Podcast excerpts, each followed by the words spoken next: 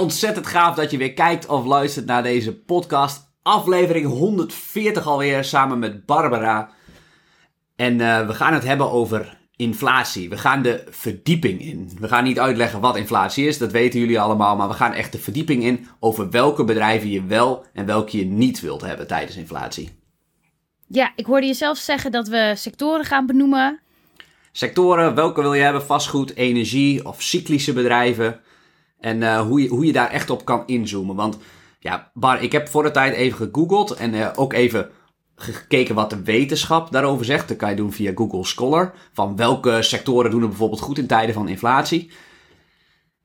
Wetenschap is daar vrij duidelijk over. Maar het probleem bij de wetenschap is dat het altijd over het verleden gaat. Ja, dan kan je wel terugkijken. Hey, die sector heeft het dat jaar in, met dat hoge inflatie in 1973, want toen was ook een oliecrisis, heeft het goed gedaan. Maar dat is natuurlijk heel erg makkelijk. En beleggen is natuurlijk voornamelijk vooruitzien.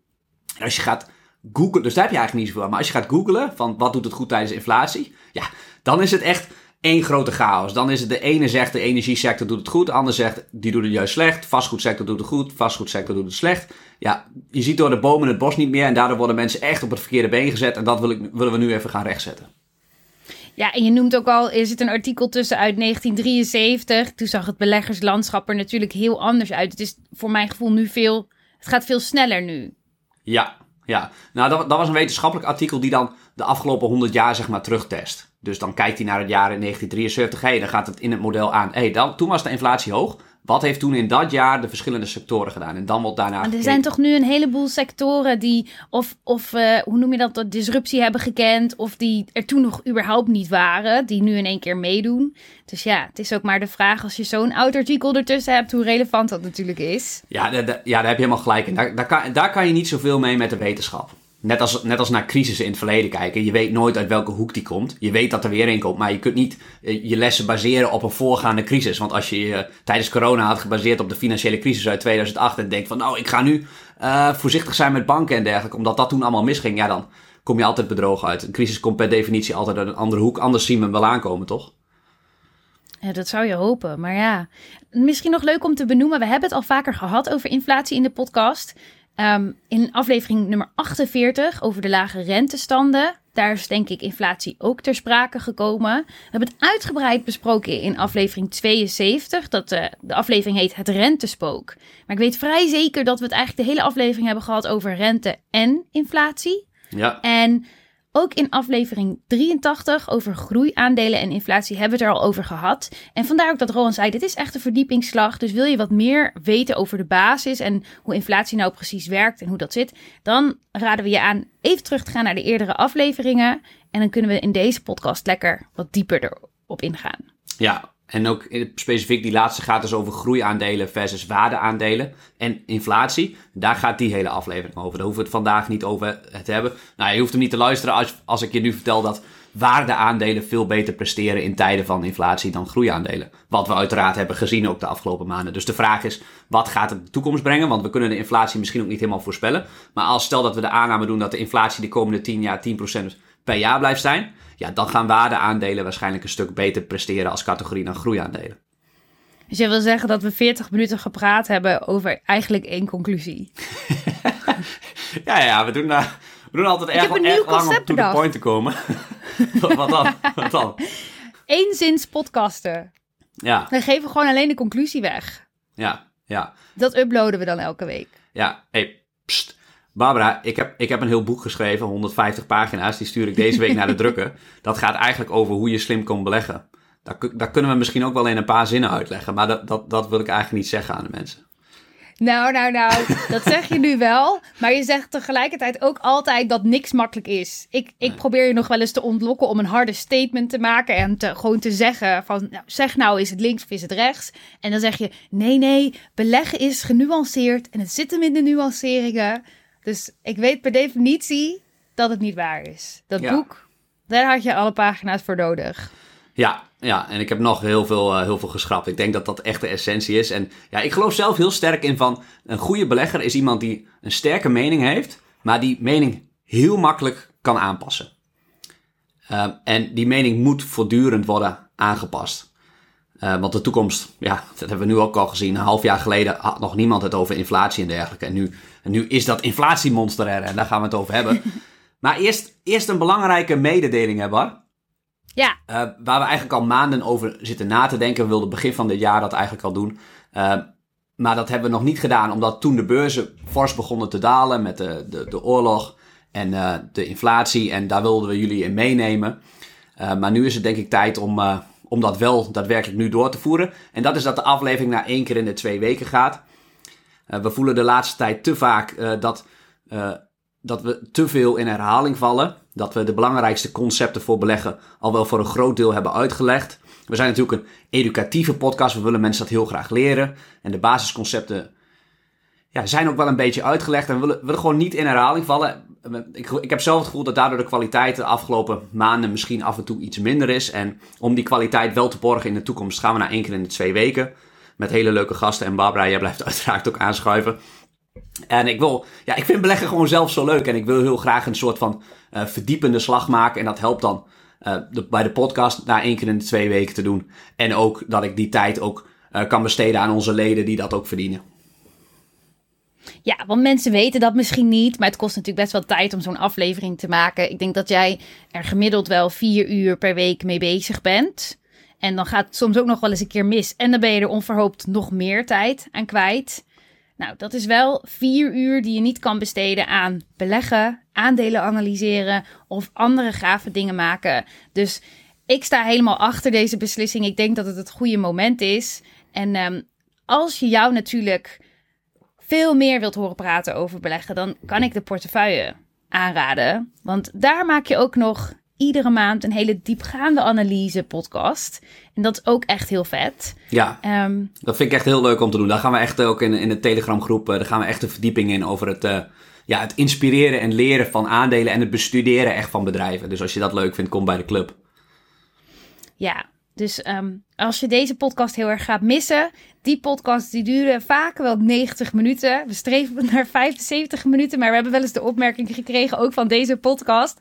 Ja, dan zeggen jullie dat het het einde is en dat jullie gaan stoppen. En dan praten jullie nog 10 minuten door. Waar is dat voor nodig? Ja, nou ja, ja oké. Okay. Zo streven we bij die podcast ook naar ongeveer 75 minuten en dan is het 90 minuten. En um, heel gaaf, want um, je, ja, je bent recent begonnen om dat met gasten te doen die wat meer de verdieping ingaan.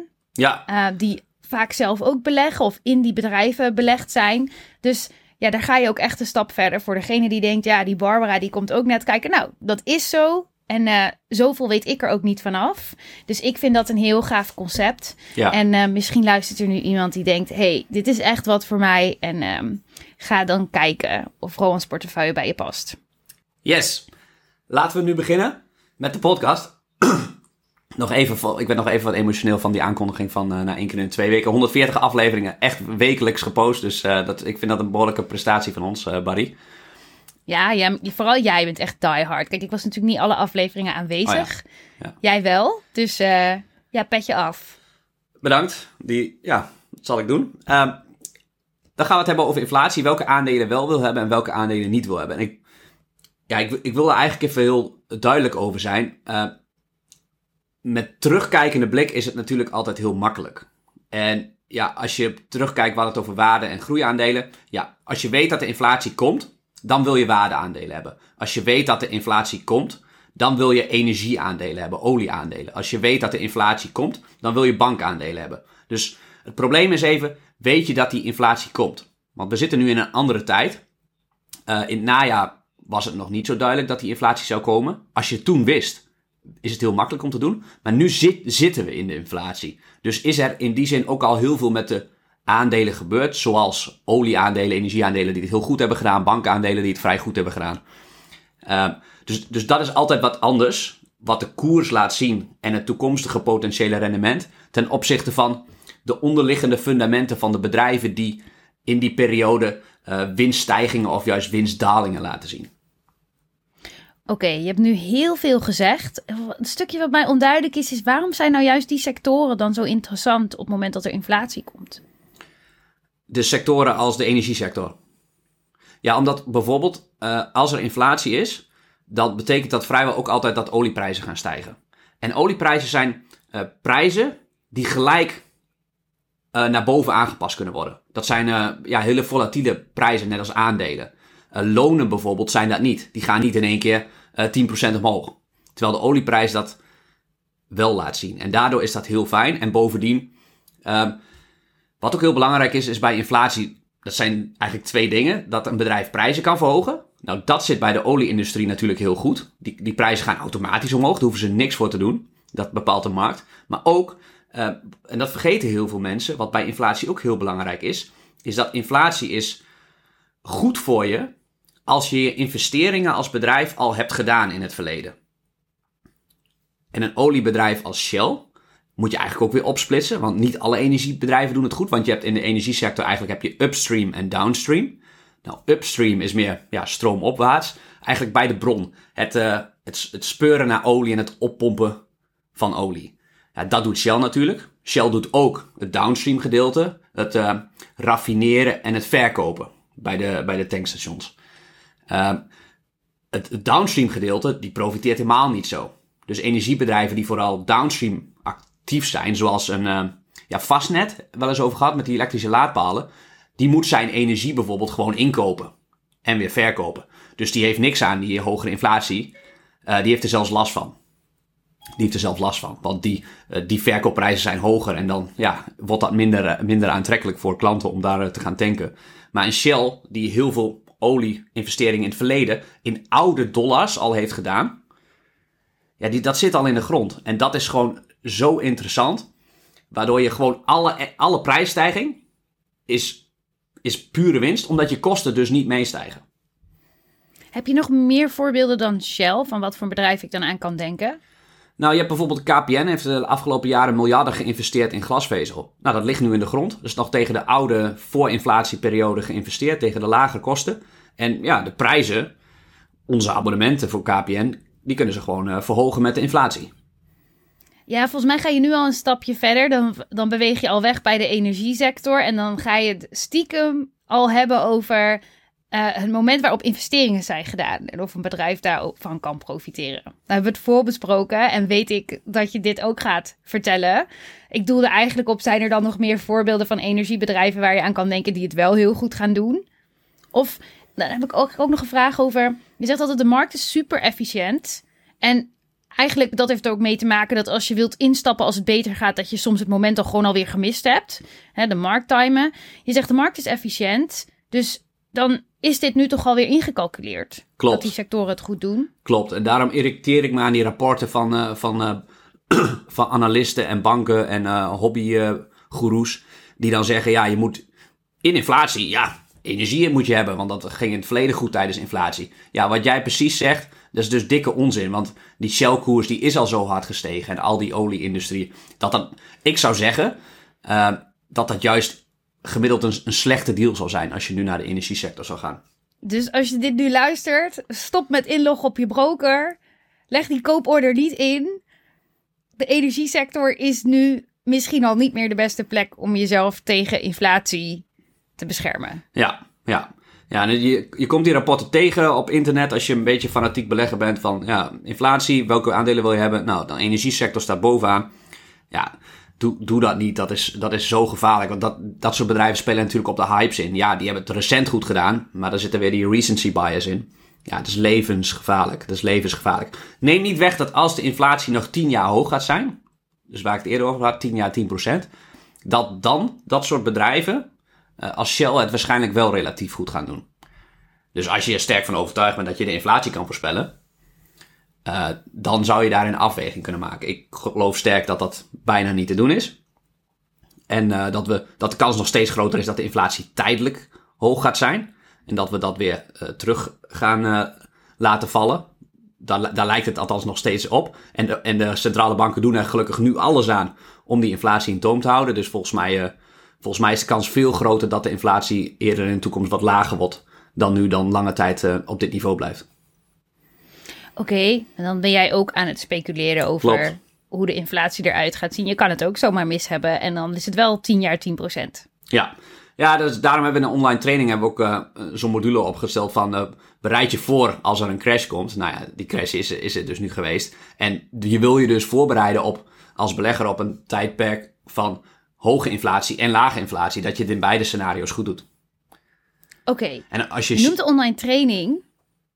Ja, Ja, als je dit voor 1 juli luistert en je overweegt onze online training te volgen, doe dat dan nu, want we bieden hem tijdelijk aan met meer dan 33% korting.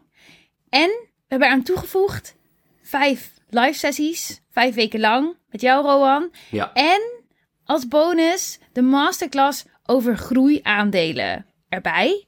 Over het analyseren en waarderen van groeiaandelen. Dus als je het nog overweegt, de online training, dan is nu absoluut het goede moment. Ehm, weet jij de URL uit je hoofd, Rowan? RowanNijboer.nl en dan staat het bovenaan.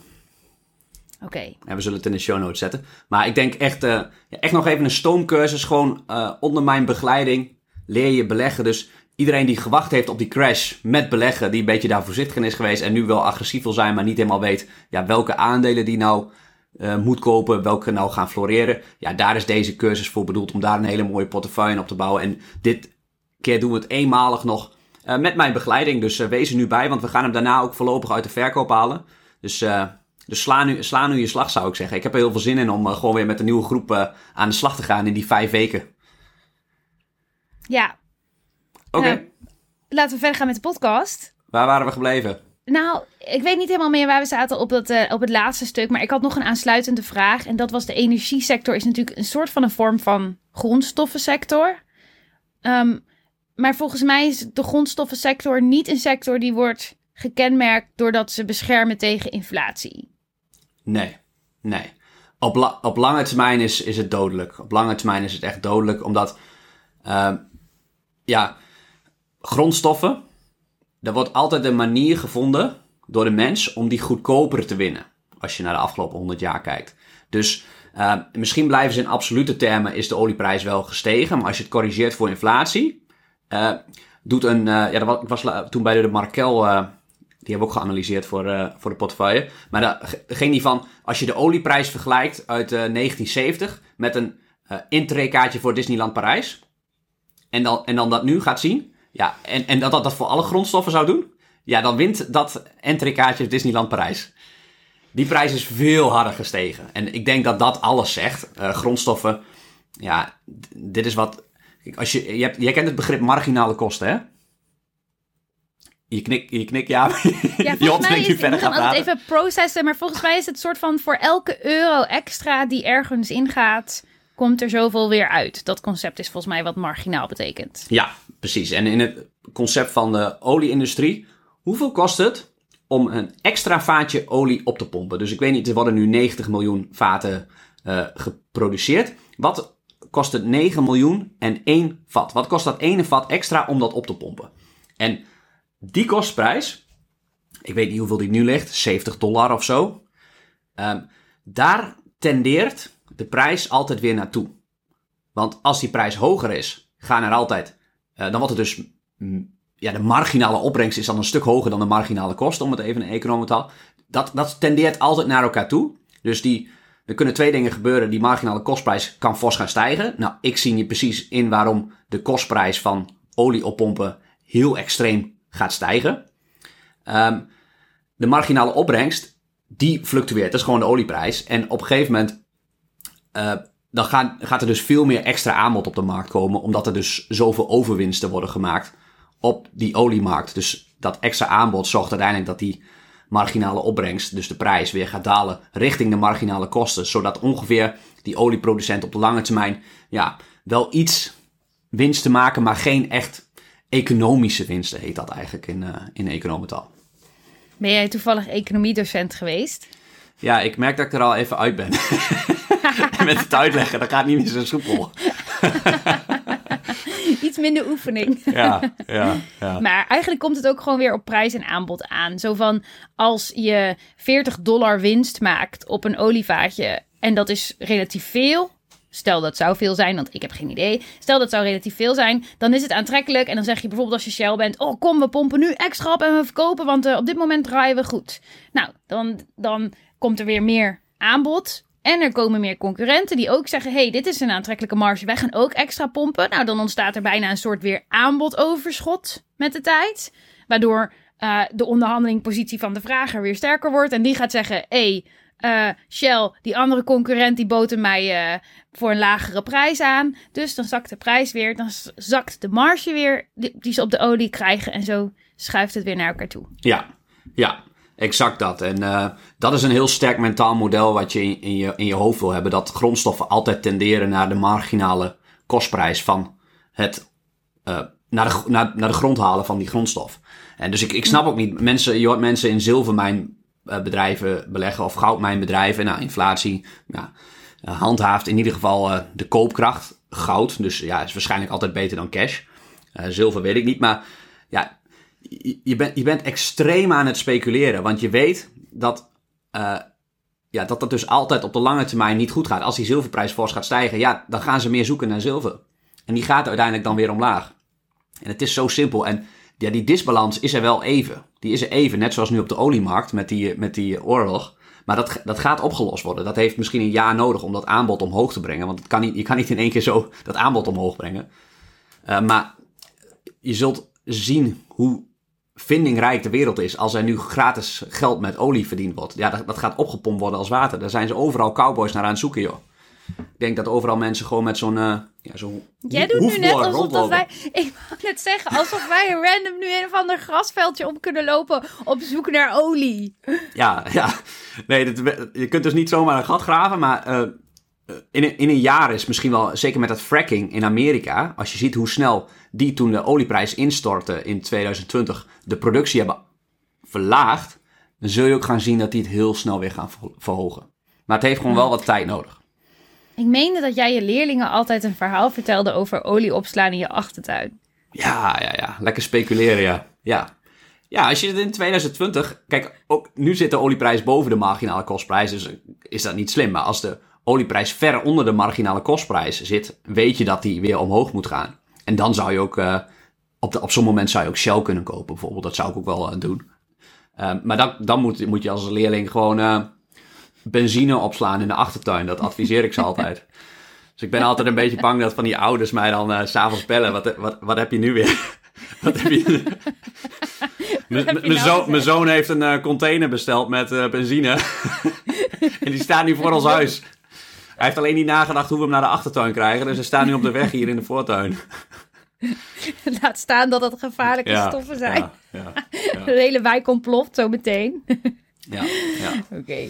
Ik was even benieuwd, want wat ik je eigenlijk ook hoor zeggen erin is: het gaat ook om een stukje concurrentie. Dus is mijn vraag: geldt dit ook voor um, sectoren waar heel veel concurrentie is? Heeft concurrentie ook invloed op inflatie? Ja, ja, is de essentie. Is de essentie. Hoe meer concurrentie, hoe, uh, ja, hoe, hoe meer pijn inflatie doet. Oké. Is het dan ook, maakt het dan ook uit voor je beleggingen of je bijvoorbeeld in een concurrerende sector wil gaan zitten? Ga je daar anders mee om afhankelijk van hoe de inflatietijden zijn? Of is, is dat niet een dingetje? Uh, nee, dat is eigenlijk iets waar je, waar je nooit in wil beleggen. Um, dus op die manier. Als je onze online training volgt, dan heb je dit soort dingen natuurlijk allemaal al geleerd. En dan uh, weet je dat je dat niet moet doen. Ja. Maar misschien kan je toch even nog kort uh, de uitleg geven. Ja, en betekent niet dat dat soort koersen niet in deze tijden omlaag gaan. Hè? Dus in principe gaat nu alles omlaag. Het voordeel is alleen, het ene bedrijf heeft dus meer pijn uh, financieel dan het andere. Het ene komt er veel sterker uit, het andere heeft eigenlijk geen financiële pijn. Uh, de meeste bedrijven hebben helaas wel flinke pijn van inflatie, ook wel een aantal in mijn portefeuille. Ik heb ook een autoverzekeraar. En uh, een verzekeraar heeft bijvoorbeeld best wel last van inflatie. Want een autoverzekeraar uh, sluit aan het begin van het jaar de premie af. Alleen de schade, dus de kosten van de verzekeraar, ja, die lopen wel op gedurende het jaar. Dus dan heb je een kans dat je niet helemaal goed ja, die risico's ingeschat hebt. Nou ja, het jaar erop kan je de verzekeringen weer verhogen. Dus dat is ook een tijdelijk effect. Maar het is wel iets wat even tijdelijk pijn doet. Ja. Ja. Oké, dan hadden we het net al even over het concept dat het uitmaakt wanneer investeringen door het bedrijf zijn gedaan. En dat dat een indicator kan zijn van of je jezelf als belegger beschermt tegen inflatie of niet. Misschien wil je dat concept verder uitleggen. Ja, dus als investeringen in het verleden zijn gedaan, dus dat kunnen zijn fysieke assets, uh, eh, KPN noemden we het met glasvezel. Ik kan me voorstellen een FOPAC, uh, met de, met de tankterminals die er allemaal al staan. die kosten zijn gedaan in het, in het verleden. En dat ja, tegen oude dollars. En als een concurrent dan uh, een nieuwe tank wil neerzetten, die mag dat nu gaan doen tegen die hogere prijzen, heb je dus een kostenvoordeel. Uh, want dat businessmodel van die nieuwe tank kan er alleen uit als diegene die die tank dus ook verhuurt, hogere huurprijzen valt. Want die, het rendement op die investering van die tank, wat een miljoen kost, dat moet, moet procentueel hetzelfde zijn. Dus je gaat hogere huren vragen.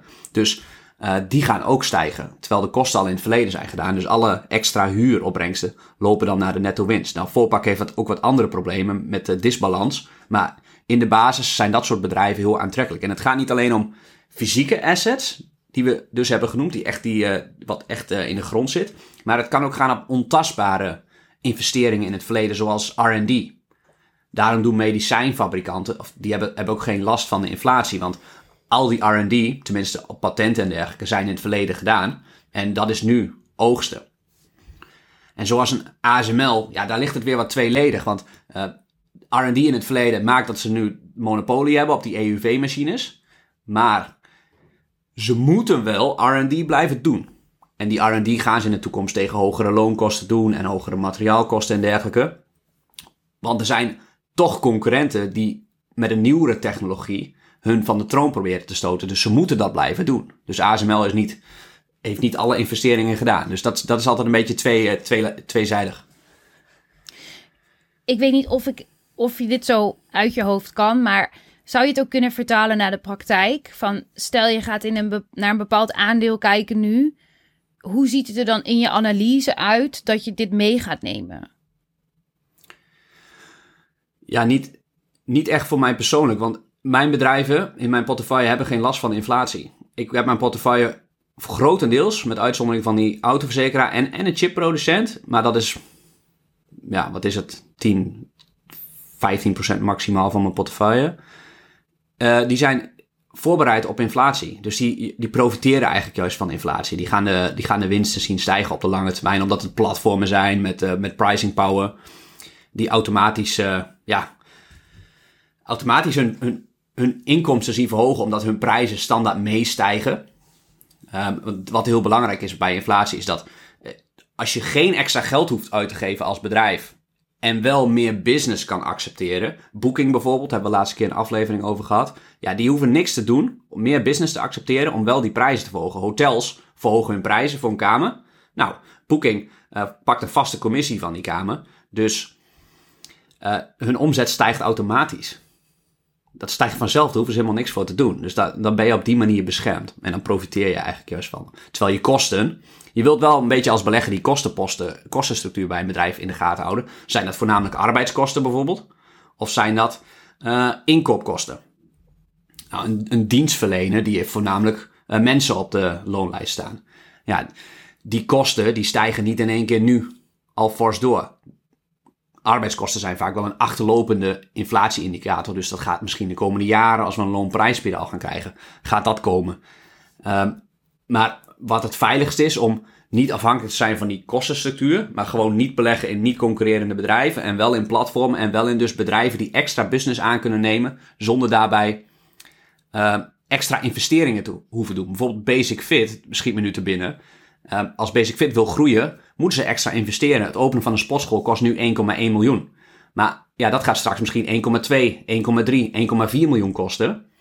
Um, nou zou je kunnen zeggen, Basic Fit is weer zo dominant. Die hebben juist een voordeel op andere sportscholen. Dus zo werkt het dan ook nog wel weer. Dat ze uh, tegen de leveranciers kunnen zeggen... Ja, jullie gaan die inflatiecorrectie niet berekenen. Anders gaan we naar andere, een andere leverancier. En uh, Basic Fit is altijd de grootste klant bij de leverancier.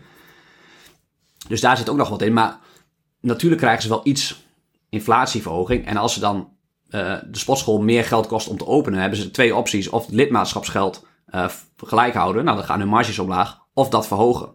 Nou ja, dat verhogen is weer afhankelijk van welke sportscholen er in de buurt zitten of mensen makkelijk wisselen en dergelijke. En ja, tip die me dan te binnen schiet, er wordt heel vaak gepraat over inflatie, beleggen in bedrijven die prijzen kunnen verhogen. Ja, zwaar, dat is wel duidelijk. Maar ik denk als je nog een stukje dieper wil gaan, moet je kijken naar de prijselasticiteit. Wat lach je? Jij gaat te veel met mij om dat je nu in één keer zwaar in je Ik heb je dat nog nooit horen zeggen. Sorry, daar moest ik even van lachen. Nee, nee. Dat is iets wat ik normaal zeg, dus het viel me even op. Sorry, vertel vooral verder. Ik had tijdens een van, eh, een van mijn masters had ik een docent. En die zei dat heel vaak. Echt heel vaak. En dan had ik met een, met een, met een klasgenoot. Dus schoot ik elke keer in de lach, zeg maar. Want hij zei elke keer na elke regel, zwaar, zwaar. en op een gegeven moment, als hij dat dan weer gaat zetten... en je zit, je zit samen al te levelen van... ja, dit is heel grappig. Als hij het weer gaat zeggen, gaan we echt allebei keihard lachen. En dan komt hij weer, zwaar. Dan- oh, jongen. Ik moest zeggen, ik ging helemaal stuk. Dan voel je, dan voel je zo beschaamd van die, die, die, kerel, eh, die professor denkt dan, ja, waarom, waarom lachen jullie zo? Vet lullig. Ja, maar als je, je kent het wel. Als je eenmaal in een slappe lach zit, dan, eh, ja, dan kan, je dat, kan je dat niet controleren. Ja, zeker als hij het dan blijft voeden na elke Ja, zin. Ja. ja, ja. Oh, ik weet nog een keer, het was in, ook in Wales, en een, toen ik daar studeerde, een, een zoutwinningsmijn of een kolenwinningsmijn, een oude, en kregen we ook een rondleiding beneden de grond. Dat was ook zo, ik weet niet meer wat die een rondleiding gasten. Ook elke keer hetzelfde. En dan zo, oh ja, daar is die weer. ah, toen, toen zijn we dus weggelopen. Toen zijn we eh, volgens mij een stukje weggelopen om... eh, dat het wel heel ongepast was, maar goed. Het galmde lekker in die grotten, dus eh, we hebben ze alsnog wel gehoord hoor. Ja, ja. Ja, sindsdien doe ik dus geen, geen dingen meer in groepen. ik dacht dat dat door, eh, je weet wel was, corona. Oh ja, oh ja. Oh ja, dat was het. Dat was het. Goed, maar ik had het over prijselasticiteit. Ja, Sorry voor de, het uitstapje, luisteraar. Als je hier echt alleen voor beleggen bent, dan, eh, dan spijt me dat. Dan, eh, we, we willen soms ook gewoon andere dingen vertellen. Waar niemand wat aan heeft, maar wat wij twee gewoon leuk vinden. Dus eh, excuses daarvoor. Eh, prijselasticiteit, dat is denk ik de essentie. En niet zozeer prijskracht. En je wil bedrijven hebben eh, met een, ja, die eigenlijk volkomen inelastisch zijn. Dat zou het beste zijn. Dus eh, waarbij eh, je wil je altijd afvragen, wat, wat doe je als, de, als je de prijs verhoogt? Wat gebeurt er met P? De P verhoog je, de prijs. Wat gebeurt er met Q, het aantal? Gaat natuurlijk bijna altijd als je de prijs verhoogt, is een economische wet, gaat de vraag omlaag. Nou, Ferrari heeft daar geen last van, Louis Vuitton heeft daar geen last van, Rolex heeft daar geen last van. Die, die moeten juist de prijs verhogen. En volgens mij zijn dat de zogenaamde given goods. Eh, als je de prijs verhoogt, stijgt juist de vraag ook. Walhalla, Walhalla, als je dat hebt als bedrijf. Hoe, hoe makkelijk heb je het dan? In alle, alle perioden, in alle crisissen en dergelijke. En bovendien zijn je klanten trouwens ook nog eh, high net worth individuals die van een recessie geen last hebben. Omdat ze dan in plaats van 10 miljard eh, eh, vermogen, 6 miljard vermogen hebben. ik hoor het al. Als jij ooit een bedrijf begint, dan wordt het in de given goods. Ja, maakt het leven wel echt, echt een stuk makkelijker. Maar het is dus bijna niet te doen, want er, is bijna geen bedrijf die het kan. Maar daarnaast, wat dan het meest perfect is, is volkomen inelastische bedrijven. Dus als je de prijs verhoogt, dat de vraag niet stijgt. Ik zie dat je je hand omhoog houdt, dus je hebt weer een vraag. Nee, ik heb geen vraag. Ik wil eventjes. Het is niet voor iedereen, denk ik, per se duidelijk wat prijskracht en prijselasticiteit of inelasticiteit is. Nu is prijskracht het vermogen om de prijs te kunnen verhogen en dan nog steeds vraag van de klant te blijven behouden. Dus in hoeverre kun je de prijs verhogen? Ik zie je bedenkelijk kijken, dus misschien wil je het zelf uitleggen. Nou, omdat je daar ook altijd tegen prijselasticiteit aanschuurt. Voor mij is eh, prijskracht is dat je prijzen kan verhogen. Nou, heel veel bedrijven kunnen dat. Kijk, een, een Unilever en een Nestlé kunnen ook heel makkelijk hun prijzen verhogen van een eh, Unox wasje of van een Ben Jerry's. Eh, maar dat is heel iets anders dan prijselasticiteit. Want als ze dat gaat doen, gaat de vraag wel degelijk naar beneden. Dan gaan mensen wel degelijk switchen naar eh, de private labels van de supermarkten. Maar wie heeft er dan geen prijskracht? Want ja, in principe kan elk bedrijf zelf zijn prijs bepalen, toch? Dus die kan toch zeggen, ja, ik eh, vraag vanaf nu geen 6 euro hiervoor, maar 10. Eh, ja, dat kan elk bedrijf bepalen, maar bij, bij het ene bedrijf verkoopt dan niks meer. Als Shell dat zal doen van 7 naar 10, verkopen ze niks meer. Ja, maar dat is weer prijselasticiteit. Ja, ja, ja. Ja, dus, maar je prijselasticiteit zegt dus, neemt ook mee in hoeverre, die is vollediger dan de prijskracht. Want prijskracht, bij Unilever denk je, ja, die kunnen de prijzen wel verhogen. Maar dat is eigenlijk helemaal niet zo. Eh, omdat de prijselasticiteit daar best hoog is. Omdat mensen een keuze hebben. En als je kijkt naar, ehm, even een voorbeeld, een Netflix en Spotify, de koning van de video, althans voormalig koning, als je de beurs mag geloven. En koning van de audio, voormalig koning als je de beurs, van de audio, als je de beurs mag geloven. Uh, het zijn twee hele andere bedrijven. Ik denk dat uh, als je het hebt over prijselasticiteit, uh, dat, dat Netflix daar veel beter scoort. Die kunnen makkelijker de prijzen verhogen zonder veel klanten te verliezen. Ik denk dat Spotify. Dat, dat... De ultieme. Ja. ja, sorry. Ik, ik wou zeggen, de ultieme vorm van prijskracht is toch degene eigenlijk die richting monopolie of oligopolie gaat. Die überhaupt niet een concurrent heeft die zegt: uh -uh, dit kun je niet doen. Of, of die dan dus een aantrekkelijker aanbod aanbiedt. Klopt, klopt. Dat is de ultieme vorm van prijskracht, toch? Klopt, klopt. Hm, Vandaar ook dat ik begon met uh, dat medicijnen volkomen inelastisch zijn. Uh, patiënten hebben die gewoon nodig. Dus daar wordt gewoon voor betaald. Weet je wat leuk is? Als we een keer een uh, masterclassje geven over economische lessen die relevant zijn voor beleggen. En dan leggen we al dit soort termen gewoon een keertje uit en hoe je dat meeneemt in beleggen. Gewoon een basis uh, macro, meso, micro-economie, uh, basis, basisles algemene economie. Hm. En dan nemen we al dit soort dingen mee. Prijs, vraag, prijselasticiteit, prijskracht, um, inflatie, rente en... Nou, ik weet niet hoe ver je daarin moet gaan, maar we hebben volgens mij genoeg economische termen die steeds weer terugkopen. Ja, veel, uh, ja, veel bewegende delen ook in die economie. Ah, er schieten me zoveel termen te binnen. Verzonken okay, kosten. Ga weer ja. verder. We zat vol op die prijselasticiteit. Ik weet niet of je je verhaal over Spotify nog af wou maken. Nee, nou ja, dat gewoon, dat je als belegger, kijk, als belegger, kijk, een ondernemer is hier continu mee bezig. Nou ja, uh, dat weet ik niet, maar het zou in theorie zo moeten zijn. ik, wij zijn er zelf eigenlijk helemaal niet mee bezig. We hebben wel deflatie in de online training trouwens.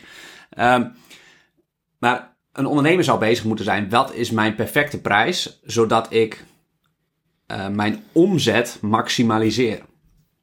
Althans, als een ondernemer gericht is op maximale winst. Nou, dat, dat hoeft natuurlijk helemaal niet. Ondernemen gaat natuurlijk veel verder dan streven naar winstmaximalisatie. Maar als je, als je het anglo-saxische model mag geloven, is winstmaximalisatie is de heilige graal. Dus dan denk je daar continu over na. Wat, wat kan je met prijs doen en welke invloed heeft dat op de vraag? En dat is prijselasticiteit. En dan kom je inderdaad bij uh, volkomen inelastische bedrijven. Dat zijn dus wat jij zegt, medic uh, medicijnfabrikanten, monopolies. Want dat zijn per definitie monopolies met hun patenten. En dat zijn um, de must-haves bedrijven. In tegenstelling tot de nice-to-haves. Ja, de nice-to-haves. Als je daar niet in je portefeuille een groot verschil gemaakt hebt, dat de beleggingen, uh, de producten die ze verkopen aan klanten, is het een must-have of een nice-to-have? Ja, dan, dan heb, je, heb je nu echt een, uh, een probleem, zeg maar. Want die nice-to-haves, dat zijn ook vaak de cyclische bedrijven, um, camperbouwers en dat soort praktijken. Ja, die, die gaan er natuurlijk wel aan in deze tijden, omdat consumenten die discretionaire uh, goederen, zoals dat met een duur woord heet, gewoon luxe goederen kan je het ook noemen, ja, die, die, die kun je heel makkelijk uitstellen. Dat ga je gewoon nu niet meer kopen. Was jouw motto niet ooit, ja, beleggen wordt te moeilijk gemaakt met al die vakjargon? Ja, ja. Ja, om te kotsen, ja. Sorry. Deze aflevering zit er vol van. Zwaar. Zwaar. Zwaar. Oké. Ik heb een laatste vraag. Ja. En dat is, welke sectoren wil je nou absoluut niet inbeleggen met inflatietijden? Als je op internet gaat zoeken waar je moet beleggen met inflatie, dan is het vastgoed. Klinkt natuurlijk logisch. Uh, Wel of niet? Als je het internet mag geloven. Wel inbeleggen? Ja, ja. Oké. En het klinkt ook logisch, hè? Fysieke, je wil met inflatie... Nee, maar ik was wat in de war, want de vraag was niet. en dan kom jij met wel. Snap ik. Dat ging ik nog uitleggen, dankjewel. het klinkt logisch, hè? Dat je fysieke bezittingen wil hebben in tijden van inflatie. Je wil goud hebben, je wil uh, uh, huizen hebben, je wil aandelen eigenlijk hebben. Dat, dat soort dingen doen het relatief goed. Dat, dat, zijn, dat zijn de verhalen. Nou doen aandelen als categorie veruit het beste in tijden van inflatie. Mits je de goede hebt, want de meeste doen trouwens niet zo goed. Um, maar je hebt dus beursgenoteerd vastgoed, Wereldhaven, Unibail Rodamco, uh, Fastnet in Nederland. En uh, die, die zogenaamde REITs, misschien kunnen we daar een keer een aflevering over maken, maar uh, misschien ook niet. ja, we doen alles niet heel georganiseerd hier, mensen. Ehm, klinkt natuurlijk logisch, want in, als je in een vastgoed... Kijk, als je zelf een appartement koopt en je hebt de rente voor 30 jaar vaststaan, dan is inflatie een zegen. Want de prijs van het huis stijgt gewoon net als de afgelopen 400 jaar met inflatie mee. Oh, hier word ik ook altijd zo moe van, van, van vastgoedboeren. Die roepen altijd, ja, je, hebt de huurinkomsten, maar ook nog eens de de waardeontwikkeling van de woning. Uh, nee, de, de woning wordt niet meer waard. De woning stijgt alleen in prijs en die stijgt mee met de inflatie. Dus die wordt niet meer waard. Reëel gaat de woningprijs niet omhoog. Sterker nog, die gaat omlaag omdat het minder waard wordt. En je moet er gewoon onderhoud aan doen. Dus dat is altijd een, een heel groot deel van het de... verouderd, zeg maar. Ja, ja. En de afgelopen twintig jaar, als je daarnaar kijkt... want dat is dan vaak het perspectief wat ze laten zien... dan lijkt dat heel aantrekkelijk. Want dan zijn woningen inderdaad prijzen sneller gestegen dan inflatie. Maar als je wat langer uitzoomt en die woningbubbel even buiten beschouwing laat... en kijkt naar een Amsterdams grachtenpand... en de afgelopen 200 jaar, stijgt dat gewoon met de inflatie mee.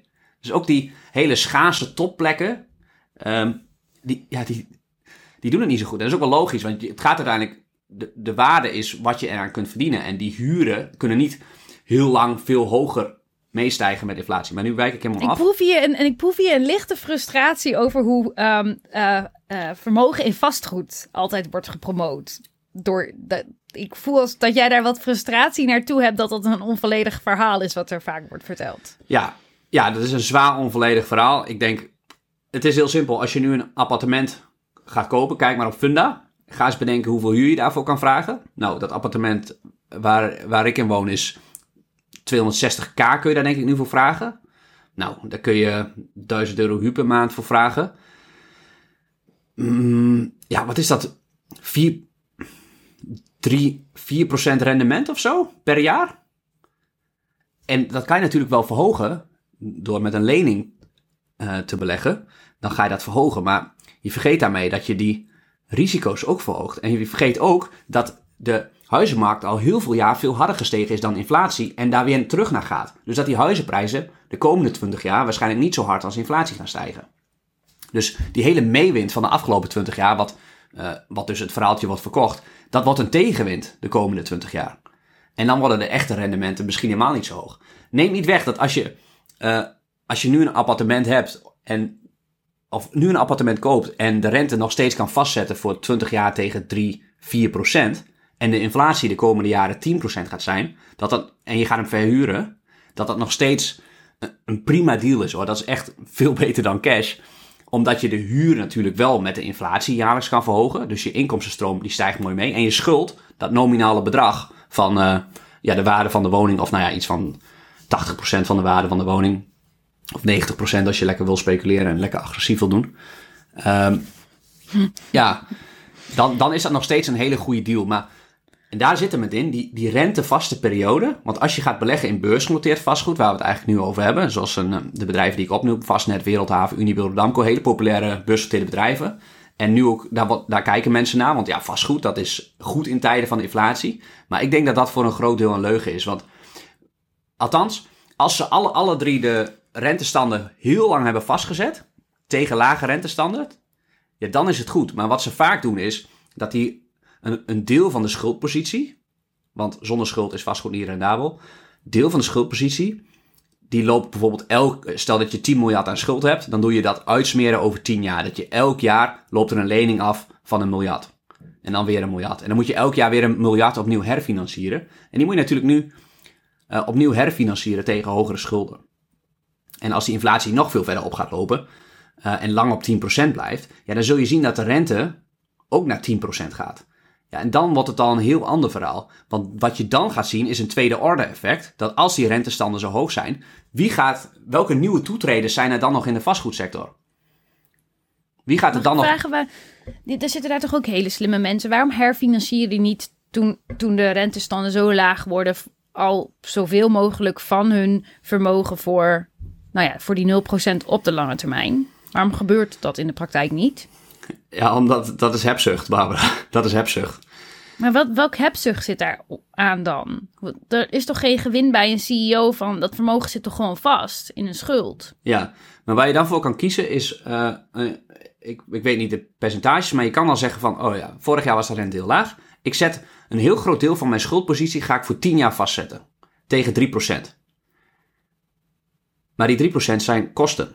En dat verlaagt de winst en dat verlaagt de bonus van die CEO. Nou kan je ook zeggen, die CEO, hey, als ik de rente maar één jaar vastzet, betaal ik geen 3%, maar betaal ik maar uh, 1,5%. Oké, dan is in dat jaar, als ik dat doe voor 1,5%, is mijn winst hoger, is mijn bonus hoger. dus het loont om uh, daar een beetje greedy in te zijn, want ja, uh, de toekomst, daar maken veel managers zich geen zorgen om. Andere bedrijven doen het wel heel slim. Um, ja, dat, vooral met converteerbare obligaties, dat je die uitgeeft als de beurskoers op een hoogtepunt is. Of dat je, dat je wel Dit doet... wordt bijna een uh, financieringspodcast. Misschien ook een leuk onderwerp voor de, voor de toekomst.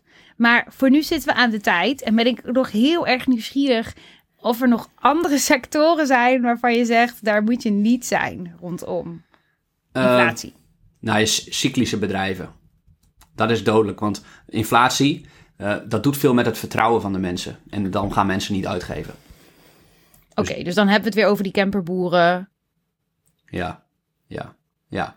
En, en, want zulke producten worden ook echt onbetaalbaarder voor mensen. We hebben de analyse vorige maand gedaan over uh, Tor Industries, de grootste camperbouwer ter wereld. En ja, die heeft de afgelopen twee jaar de prijzen met 30% verhoogd van campers. En ik kan je wel vertellen, de lonen zijn niet met 30% gestegen. Dus het wordt steeds onbetaalbaarder. Dus ja, die vraag moet wel instorten. Dat, dat, dat, dat is ook weer zo'n uh, economische wet. Dus die hebben last, en die hebben bovendien last natuurlijk, uh, cyclische bedrijven zijn vaak ook productiebedrijven. En die hebben last van uh, de gestegen grondstoffenprijzen. Dus die kunnen ook niet die prijzen niet verhogen. Dat moeten ze wel doen, anders gaan ze gelijk geen winst meer maken. Dus die gaan waarschijnlijk... Herken je een cyclisch bedrijf? Uh, door naar de cijfers in 2008 te kijken. En 2009, wat er met de omzet is gebeurd. Als dondert hij van een cliff af, stijgt, daalt hij met 10% of met 20% of met 30% of 50%. Nou ja, als 50% is, cyclisch bedrijf. nou, dit vond ik toch een gouden tip die je Ja. daar gaf. Ja, ja. Ik ga zo meteen gelijk even een paar opzoeken. Even, even kijken of, eh, of het klopt Ja, wat je zegt. Als je, want dat ga je dus zien bij de cyclische bedrijven. Die omzet valt van een cliff af. En waar je dan weer naar wil kijken bij de cyclische bedrijven... is de kostenstructuur en het uitsplitsen tussen vast en variabel. Want in hoeverre kan je die omzetimplosie van 50%... hoe ver kan je je kosten met 50% verlagen? Om dan je winstmarge nog steeds op peil te houden. Ja, dat zit hem dus in de flexibele schil. Ja, ja. Ja, oké. Heb jij nog iets wat je heel graag wil toevoegen? Want je hebt deze podcast van alles wat je graag wou toevoegen. Ja, het is leuk. Ik, ik merk dat ik het jammer vind dat we na één keer in de twee weken gaan. Want nu, nu voel ik dat ik alles wil geven. nee, Dan moet je je weer twee weken stilhouden. Kan je dat wel? ja. Nou, er kwam, er kwam een vraag binnen van eh, Erwin een paar weken geleden. En ik dacht, die kan ik misschien hierin meenemen. Van, er is wel veel ehm, wantrouwen eh, in de maatschappij over hoe inflatie gemeten wordt. En eh, dat zit er maar denk ik in dat de gevoelsinflatie misschien veel hoger is dan de daadwerkelijke inflatie. Ik bedoel, ehm, de huizenprijzen stijgen al vijf jaar keihard. Nou, dat, is, dat, dat voelen mensen echt. Dat voelen mensen echt. Terwijl de Ja, afgelopen... en ik zag ehm, van die ehm, eh, nieuwskoppen weer naar me toe schreeuwen van... straks 6 euro voor een biertje op het terras. Dat is er wat mij betreft ook wel één die Ja. dat opwekt. Ja, ja. ja, dus de gevoelsinflatie is vaak veel hoger dan de werkelijke inflatie. En je hebt nog zoiets als de verwachte inflatie en inflatie. Maar hoe inflatie nu gemeten wordt. En ik heb er even op Google naar gekeken hoor. En eh, ja, de, daar wil je daar wil in die. eh, hoe heet dat? In, in die rabbit hole, daar wil je niet induiken. Want er zijn heel veel theorieën over, heel veel conspiracy theorieën. Maar eh, in principe heb je de, het CPI. Dat is wat je altijd hoort in de media. Het consumentenprijsindexcijfer, mandje aandelen. Ehm, maar wat misschien een betere is, als je het aan mij vraagt, is de, de kerninflatie of de core CPI. En dat sluit eh, bijvoorbeeld voedsel en eh, energiekosten, haalt het eruit. En dan zie je dat die nu bijvoorbeeld ook wat lager is dan CPI. Logisch, want die olieprijzen zijn natuurlijk nu bijvoorbeeld keihard gestegen. Ehm, ja, is dat terecht dat je die eruit haalt? Ik weet niet, weet niet wat jij vindt, maar eh, ja, ik, ik vind op zich wel terecht, omdat ze eh, geen economische reden hebben dat die zo hoog zijn nu. En dat klinkt misschien wat. Er is, is een geopolitieke reden op dit moment. En wat we eerder hadden over de podcast, dat die energieprijzen, die kunnen niet langdurig hoog blijven. Dus die gaan uiteindelijk ook weer dalen. Dus ja, is misschien zo'n kerninflatie beter, want dat zegt iets meer over de langdurige inflatie. Ja, dan heb je het over als je het vanuit beleggersperspectief kijkt. eh, en je bent niet bezig met wat ben ik maandelijks meer kwijt of zo. Dan is het beter om naar die core CPI te kijken. Ja, ja, ja. Op lange termijn zal de inflatie dan het CPI ook naar die kerninflatie tenderen. Maar nu is dus het verschil best wel groot tussen de CPI en de kern-CPI. Ja, En, ja eh, voedsel voel je natuurlijk als consument wel heel erg hard in je portemonnee. Dus ja, Ja, ja. ja in ieder geval voor, eh, als, je, als je een wat lager inkomen hebt, dan doet dat relatief heel veel pijn, omdat dat gewoon een eerste levensbehoefte is. Voor, ja, inflatie, dat is een, dat is een, daarom is het ook zo'n spook en daarom haat ik het ook. En daarom moet je daar als centrale bank ook zo voorzichtig mee zijn. Is vooral een belasting op eh, mensen, op, op de wat armeren. Want die worden het hardst getroffen. ja, nou passen de meeste mensen, zeggen ze, hun, ehm, hun kosten aan aan, hun, aan wat er is, hè?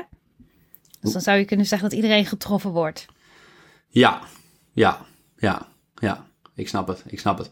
Ehm, nou, nog even over, want er, diegene die mailde stuurde ook van, ja, er zijn nog allerlei andere manieren om inflatie te meten. Eh, de CPI-manier is heel veel op aan te merken. Het is um, eigenlijk een hele oude methode. En een mandje aandelen wordt volgens mij maar één keer in de twaalf jaar vernieuwd. Terwijl het mandje aandelen twaalf jaar geleden heel anders is dan... eh, sorry, mandje producten heel anders is twaalf jaar geleden dan nu. En eh, ja, de wetenschap zegt eigenlijk een beetje dat de CPI de inflatie te hoog aangeeft. Dus die zegt eigenlijk, nee, de werkelijke inflatie is misschien zelfs lager dan het CPI. Nou, en heel veel wat conspiracy-achtige zaken, maar ook wel heel veel, denk ik, serieuze organisaties. En eerlijk gezegd weet ik er niet zoveel van. Die zegt, eh, weet ik er niet zoveel van. Dus ik, weet niet welke partij, partij daar gelijk. En ik had geen zin om al die, al die rapporten te gaan lezen. Ik denk ook niet dat het echt relevant is voor je als belegger. Eh, dus dan eh, blijf ik er verre van. Ehm, maar die zeggen dus eh, dat inflatie eigenlijk veel hoger is dan dat we de media ons doet geloven. Dus natuurlijk altijd wantrouwen. Hè? Ik snap de gevoelsinflatie is veel hoger. En dan zie je dat er inderdaad het CPI is maar eh 8%. Ik moet ook denken aan een psychologisch stukje dat bij inflatie hoort. Heel veel mensen willen heel erg graag veel controle en hebben moeite met dingen waar ze echt geen controle op hebben. En inflatie is bij uitstek iets, als, zeker als mensen heel erg zitten op hun budget en het geld dat ze kunnen hebben, te, hebben te besteden en hun financiële toekomst en de zekerheid. En daar maken ze plannetjes en berekeningen voor. Inflatie is dan een wijziging die roet in het eten gooit, waarvan ze niet weten of kunnen voorspellen hoe het gaat, waar ze dan grip op proberen te krijgen, terwijl het iets is waar je totaal geen controle en grip op hebt. Ja. En dit is denk ik toch een psychologisch aspect dat A bijdraagt aan de fascinatie van mensen voor inflatie en B de alle ophef eromheen. Terwijl ja, uiteindelijk is voor de gewone burger inflatie een gegeven. Ja, ja, dat is weer die aflevering die we hadden over het stoïcisme. Je hebt, je hebt er geen enkele controle op. Het is wat het is. En, eh, en je kan het niet voorspellen, het is niet weetbaar. Het is wel heel belangrijk, maar het is niet weetbaar. Dus als het niet weetbaar is, negeer het. Ja, je kunt alleen jezelf beschermen, Ja. denk ik. Ja, je kan Ja, je- zowel in aandelen als in, als in je dagelijkse leven. Ja, ja, je wil je portefeuille hoe dan ook voorbereiden op, eh, op hogere inflatieperioden. Goed, we zitten ruim aan de minuten. Ja, ik heb nog één leuk ding. Want eh, wij maken hele, hele leuke videocursussen. cursussen, maar wij hebben dat zo goed in te smiezen. Dat jij nu een heel mooi idee hebt met je impact trainingen. Dat je niet alleen op het beleggersgebied eh, trainingen gaat geven. Maar ook op heel veel andere gebieden. En dat is ook een beetje... Ge... Ik heb je een, beetje, een klein beetje geïnspireerd hè?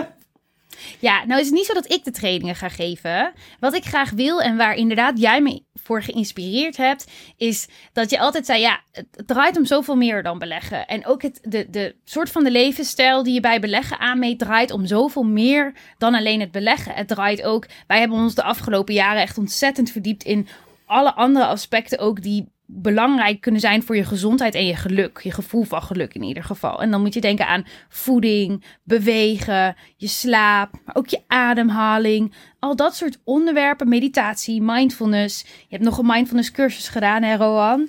En ehm, dat soort onderwerpen zijn we heel erg mee bezig geweest. En die zijn zo waardevol geweest voor ons leven. En wat mij ontzettend leuk lijkt, is om een, een platform te creëren waar je heel laagdrempelig meer kunt leren over dit soort onderwerpen. Zodat je gewoon de, de paar gouden tips meekrijgt over die onderwerpen. Om al een kleine impact te maken op je leven. Zo van als dat het enige is wat je ooit over bijvoorbeeld ehm, je gevoel voelen leert. Of over voeding leert dat dat toch al een heel groot verschil mag maken. En daarvoor ehm, ben ik bezig om impact trainingen te maken. Of ik maak die trainingen dus niet zelf. Ik wil dat graag met experts doen die zich echt verdiepen in dat onderwerp, die passie hebben voor dat onderwerp en die het leuk vinden om ehm, mee te helpen aan mijn platform. En wat ik aanbied is dat ik de online training met diegene maak. Dus diegene die levert uiteraard de inhoud aan als expert. En ik verzorg het opnemen en het platform waarop de training dan staat. En op die manier zou ik het heel gaaf vinden dat A, mensen in aanraking komen met die onderwerpen op een hele laagdrempelige manier. En B, dat het voor die ondernemer leuk is, dat ze hun zichtbaarheid wat kunnen vergroten. En dat ze met mensen in aanraking kunnen komen op die manier via het platform. Dus ben jij of ken jij nou een ondernemer die daar geschikt voor is, die passie heeft voor een onderwerp, een trainer of expert op dat gebied is en die misschien wel het leuk vindt om aan zo'n concept mee te werken, dan kom ik graag met diegene in contact. En dan kan je mailen naar barbara.barbarabrommer.com of mij ergens toevoegen op een van de socials of naar mailen.info.roannijboe.nl en dan komt het ook wel bij mij terecht. Maar ik zou het ontzettend leuk vinden als je iemand kent die hier geschikt voor is en diegene hierop attendeert. En ehm, ja, kijk er naar uit. Ik wil graag in september lanceren, dus ehm, ik heb al Ja, een paar, een paar leuke ondernemers, en trainingen in de maak. Dus eh, ik heb er zin in. Heel vet, heel vet. Ja, Kom jij er ook op staan, Roan? ik weet niet of ik erop mag. Ik weet ook niet waar ik iets over kan vertellen. Hey, dat weet ik ook niet. Moeten we nog maar even over nadenken. Ja, Waar weet jij nou wat van? ja ik heb een zangles gehad. Oh, Maar ja, oh stemgebruik ben je goed in. les betekent niet gelijk dat je de expert, eh, dat je er goed in bent. eh, ervaar ik zelf wel. En heb jij ook, heb jij ook veel last van gehad. Heb jij ook veel last van gehad. ja. Ja. Oké, laten we het hierbij laten voordat het helemaal de verkeerde kant op Ja, gaat. ja. Bedankt voor het luisteren. Over twee weken zijn we er dus weer. Hebben we een leuke gast over duurzaam beleggen en of rendement hand in hand gaat. En eh, ja, en ook van, want ik, beleggen gaat vaak over geld. Ik vind dat het over meer dan geld gaat, ook over een betere wereld. En ja, kun je als belegger bijdragen aan een betere wereld? Ja, is het antwoord eigenlijk van die, eh, van die gast, Mark van Baal. Dus eh, die staat over twee weken online. Ja, dus dan hoor je mij in ieder geval een maand lang niet. Ja, ja, oh ja zo werkt dat, hè? Ja, Ja. ja snel rekenwerk. Doet nu al pijn. Yes. Heel erg Nou. bedankt voor het luisteren. Tot de volgende keer. Tot de volgende keer. Hoi.